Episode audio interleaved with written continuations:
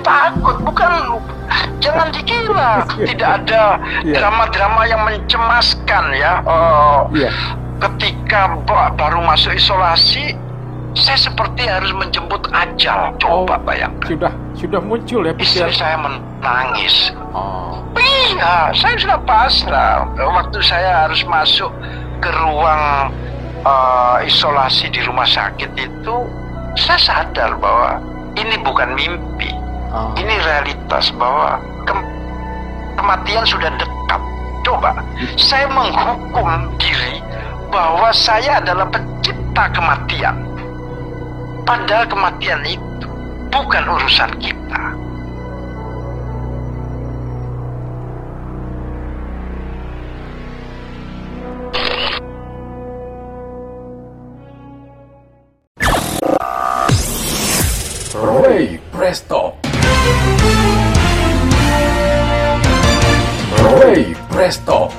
Let's care and share. Bersama saya Ria Ruman.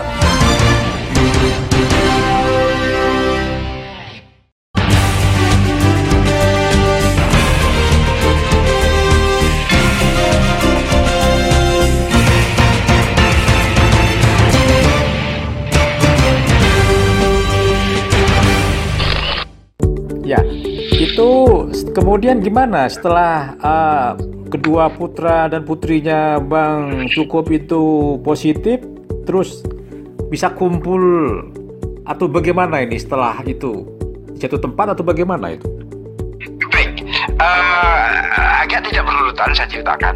Tetapi artinya gini, Oke. saya juga takjub dengan pengumuman-pengumuman ini anak perempuan saya Iya. lebih dulu diumumkan positif Oh, dibanding anak gambaran anak saya yang laki yang intens menjaga saya. Mungkin karena tubuhnya masih kuat, jadi Iya. dia ibarat eh, kesebelasan itu diserang terus. Ya memang kalau diserang terus akhirnya menyerah juga, tetapi artinya lebih bertahan. Anak saya yang perempuan menjalani isolasi menyusul saya. Jadi kami berdua dulu eh, me- me- menjalani isolasi saya dan anak gadis saya. Nah, setelah menjalani isolasi ini, saya masih berkomunikasi dengan uh, rumah, dengan keluarga. Baru kemudian saya mendengar anak saya uh, yang laki juga uh, positif karena hasilnya dan harus diisolasi. Saya seperti anu Mas Roy. iya, iya, iya. Uh, uh, pos posisi saya itu kan sebetulnya sedang menjalani isolasi mandiri. Jadi sudah tidak lagi di rumah sakit. Saya dan anak gadis saya sudah tidak menjalani di rumah sakit karena secara jujur saya katakan memang uh, berada di dalam rumah sakit dan kita diizinkan untuk uh, keluar dari rumah sakit seperti uh, di wisma di, di wisma-wisma yang yang dimiliki oleh pemerintah untuk untuk jadi tempat isolasi Ya. atau di mana di hotel atau di itu eh, lebih anu apa lebih eh, lebih terasa pada sisi kejiwaan. Oh, mandiri. Tapi tidak hanya soal itu. Iya. Tidak hanya itu, ketika saya dipindah dari rumah sakit atau karena saya sudah menjalani satu uh, fase uh, kontrol dokter, tiba-tiba merasakan aroma sambal. Nah, itu. Wah. Setelah pindah isolasi ini, saya merasakan aroma sambal dan saya teriak senang sekali. Pertama kali saya makan. Itu sambal apa ya? Itu Itu- yang aromanya tuh yang bikin abang Sambal yang disediakan, di- sambal. Salah satu eh, ini hotel yang saya Ah, eh, ah. jadi tempat isolasi kami. Itu menunya selalu dengan sambal. Saya tidak tahu apakah. Nah, ini, ini juga penting meskipun saya tidak tanyakan ke, ke Oh. hotel ini. Iya. Apakah memang sambal ini untuk menjadi pemancing rasa? Ah, pemantik ya. Ah, oke. Mm. dan peman pemantiknya ya. Jadi Pemantik. saya rasakan, iya saya mencium sambal. Jadi nafsu makan saya penuh. Tubuh yang tadinya kurus ini seperti seperti uh, mengembang itu, seperti adonan roti mengembang lagi saya. sudah mulai menemukan ini ya suasana ke, apa? Artinya sudah mulai pelan-pelan pulih gitu ya, Bang ya. Hmm. Pulih, pelan-pelan pulih. Hmm. Nah, pulih ini tentu uh, ingin juga saya sisipkan.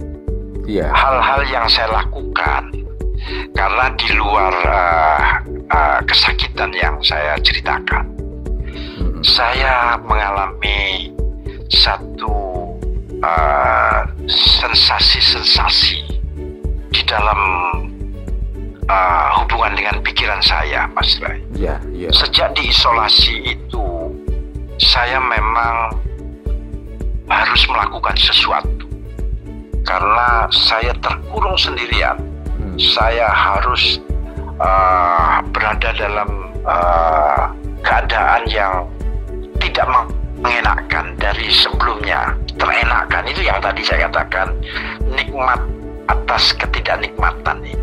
Saya mulai me, me, mencari nikmat-nikmat dalam kesendirian ini. Hmm. bahwa kita memang toh akhirnya harus sendiri atau akhirnya harus sendiri. Ini yang kemudian saya uh, melakukan percakapan mm-hmm. pada diri sendiri, mm. bukankah kita akhirnya memang harus sendiri dan tidak ada teman kecuali mm. Tuhan yang kita sembah. Di situ, Mas Ray. Oh, itu... Saya mulai menulis. Hmm, ya, ya, ya saya mulai menulis. Menulis ini menjadi bagian dari saya me membayangkan bahwa saya seperti bercerita dan didengar. Jadi sebetulnya tulisan ini kan percakapan kita yang kita ketik. Ya, ya. Tulisan itu kan percakapan yang kita ketik.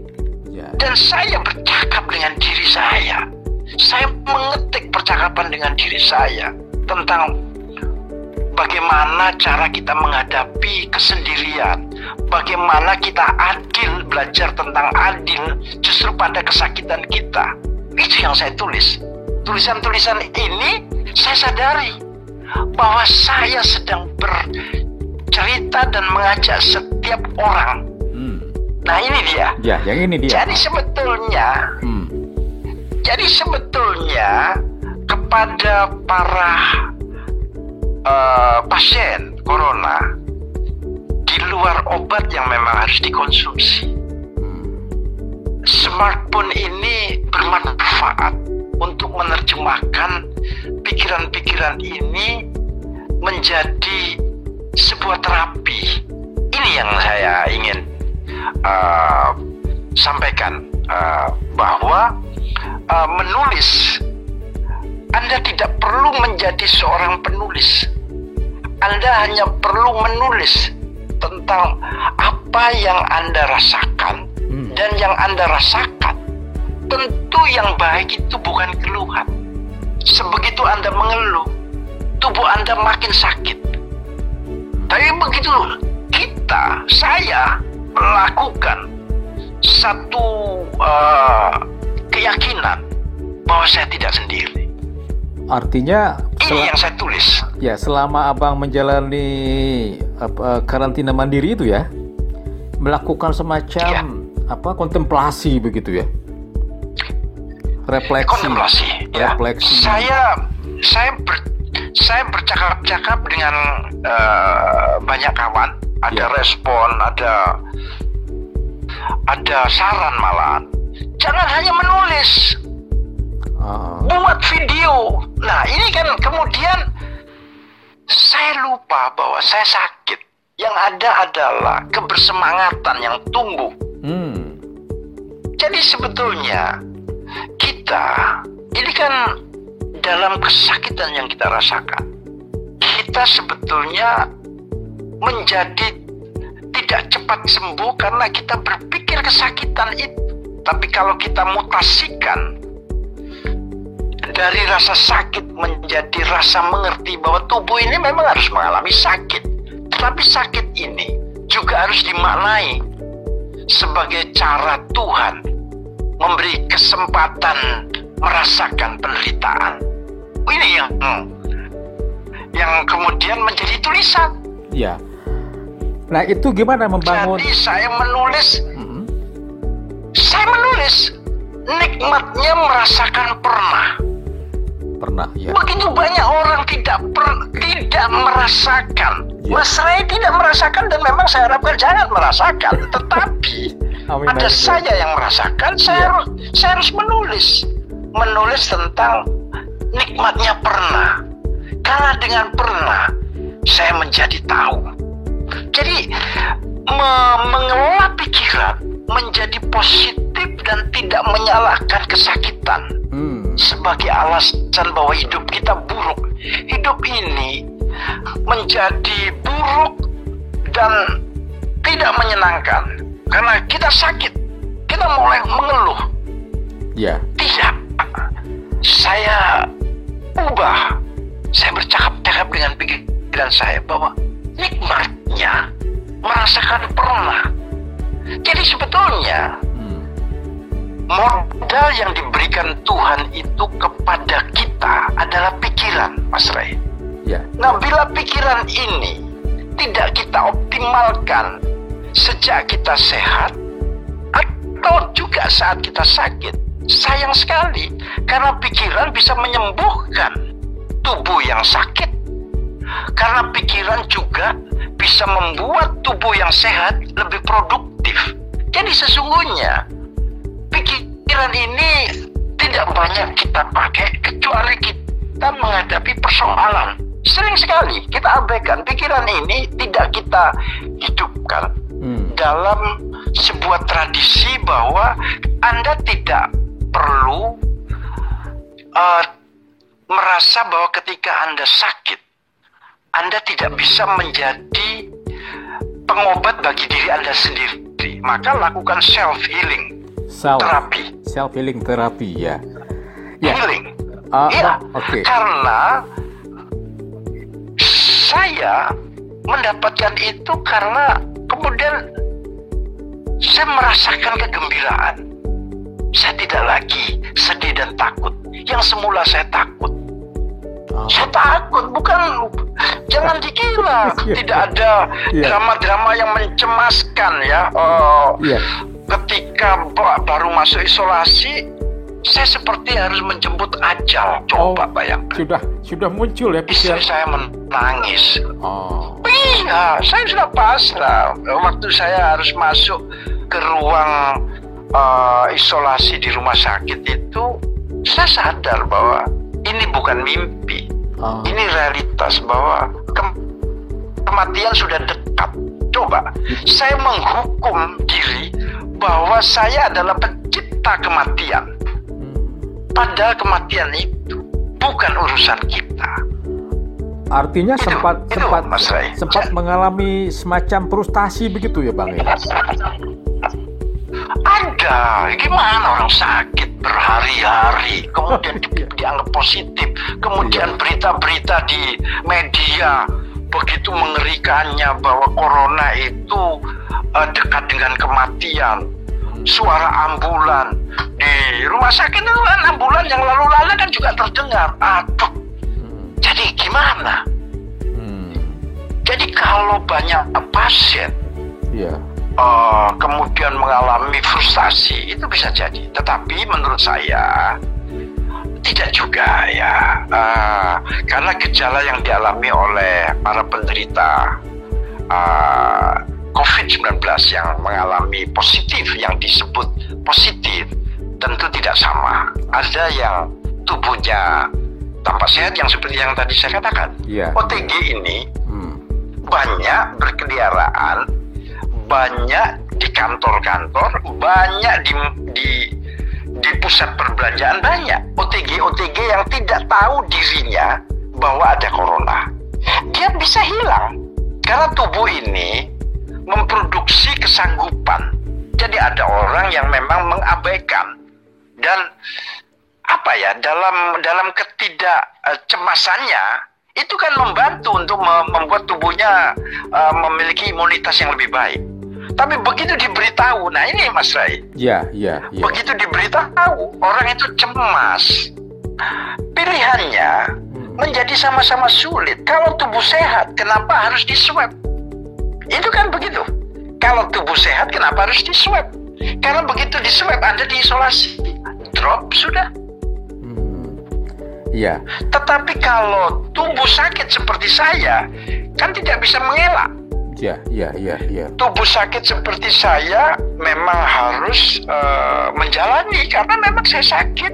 Maka bagaimana dengan tubuh yang tidak sakit? Apakah swab ini uh, menjadi solusi yang lebih baik ataukah membiarkan orang dengan kealamiannya tidak merasakan kecemasan, tetapi kewajiban dari pemerintah, hmm. kewajiban dari otoritas-otoritas untuk menjelaskan cara yang uh, bisa mengantisipasi secara mandiri. Hmm. Itu jauh lebih baik bagi orang-orang yang OTG. Karena OTG ini uh, berpotensi untuk uh, ada corona di dalam tubuhnya. Baik, Apakah Bang. menunggu mm-hmm. uh? Saya tadi ya, ingin ya. ingin cerita sedikit bagaimana Abang membangun semangat dengan putrinya yang juga sama-sama menjalani isolasi mandiri itu, saling menguatkan itu gimana itu? Ya, uh, seperti yang tadi saya sampaikan ya. bahwa saya uh, uh, pada anak saya, pada keluarga saya, tulisan-tulisan yang saya buat itu uh, saya sampaikan ke mereka itu memang memiliki pengaruh yang tidak tidak uh, remeh. Saya juga bagi ke kawan-kawan yang ternyata adalah para pasien COVID-19. Mereka senang karena di situ saya katakan sebagai orang yang mengalami uh, kesakitan yang disebut karena corona, saya katakan corona itu jangan dicemaskan, jangan takut pada corona. Jangan takut pada corona itu karena memang corona itu ini masa pandemik, dia berpotensi ada. Jadi kalau kita takut, kita akan mengalami kesulitan kejiwaan oleh ketakutan kita itu. Itu lebih berbahaya. Tetapi kalau corona ini sebetulnya dihadapi dengan uh, dengan rileks dengan bukan berarti uh, me, apa ya me, menantang corona dengan tubuh kita seperti banyak kawan yang yang tubuhnya sehat kemudian tidak ada corona. Tidak corona itu ada. Tapi corona itu uh, menimbulkan uh, satu kesakitan yang kita bisa mengatasi. Dan terbukti saya juga mungkin sampai hari ini kan memang belum ditemukan belum belum beredar vaksin corona itu. Dan apa yang saya minum? Vitamin. Apa yang saya saya laku apa terima dari dokter? Ya memang obat yang disebut antivirus tapi begitu saya browsing yaitu sebetulnya obat-obat yang memang yang disebut antivirus itu obat flu.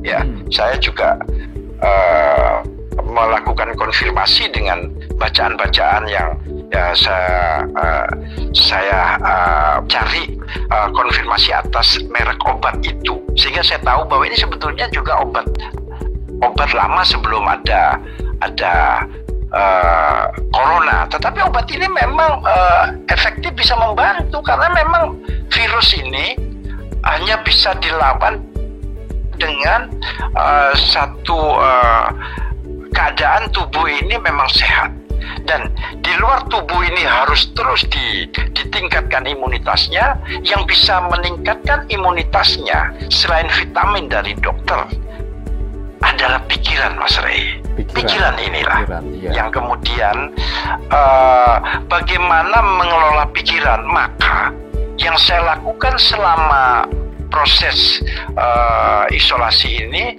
saya banyak me menyampaikan bahwa di dalam pikiran-pikiran manusia, khususnya yang sedang saya hadapi, saya alami, saya harus tidak me, apa ya, mencari kekurangan-kekurangan dari apa yang sedang saya alami. Misalnya, kekurangan dari yeah. perawat yang tidak menyenangkan.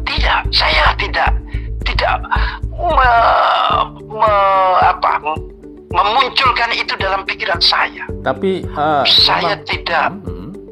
saya tidak kemudian me, me, mengeluh atas ruangan yang tidak menyenangkan tidak. Bahwa saya harus mengambil keputusan mengusulkan apakah bisa saya pindah dari isolasi rumah sakit ke tempat itu sebetulnya pikiran sedang saya uh, ajak untuk berkompromi bahwa memilih tempat yang kita yakini bisa membuat kita lebih lebih nyaman itu bagian dari ikhtiar. Maka pikiran ini kan memproduksi ikhtiar-ikhtiar yang memang harus kita lakukan. Antara pikiran-pikiran ini adalah ikhtiar menulis ikhtiar yeah. membuat uh, video ringan dari HP ini. Saya mempercakapkan saya mengabarkan saya melihat uh, hasil dari video yang simple ini uh, mulai dinikmati oleh kawan keluarga dan ada respon percakapan inilah yang kemudian membantu kita untuk tidak lagi berkutat dengan uh, dengan corona. Itu Mas Ray. Ya, uh, saya ingin mungkin uh, Bang cukup cerita nih uh, dengan putrinya yang juga positif atau yang paling uh, sulung itu, itu secara fisik uh, ada nggak sesuatu yang mungkin khas seperti uh, abang kan tidak merasakan ya. aroma atau atau ada kemiripan gitu gejalanya? Putra Ya, uh, di dua dua anak saya ini uh, ada perbedaan.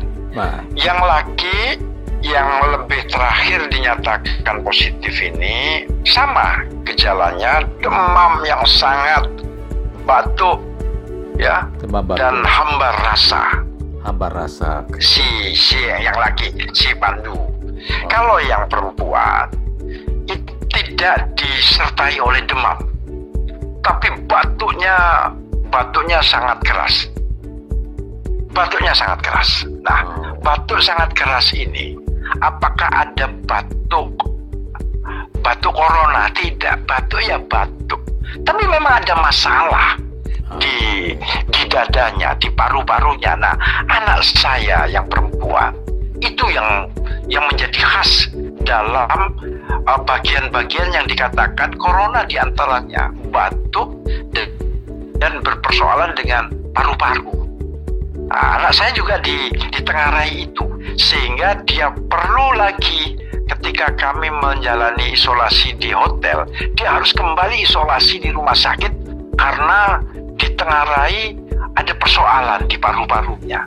Oh. Itu loh Mas Rai. Oh, okay. Jadi memang berbeda gejalanya tetapi ada ciri-ciri yang mempertemukan batuk, batuk, batuk sama demam mungkin tidak, tapi atau tidak batuk demamnya sama. Jadi jadi memang ada titik yang uh, secara uh, objektif itu memang sama. Kira-kira itu Mas Ray.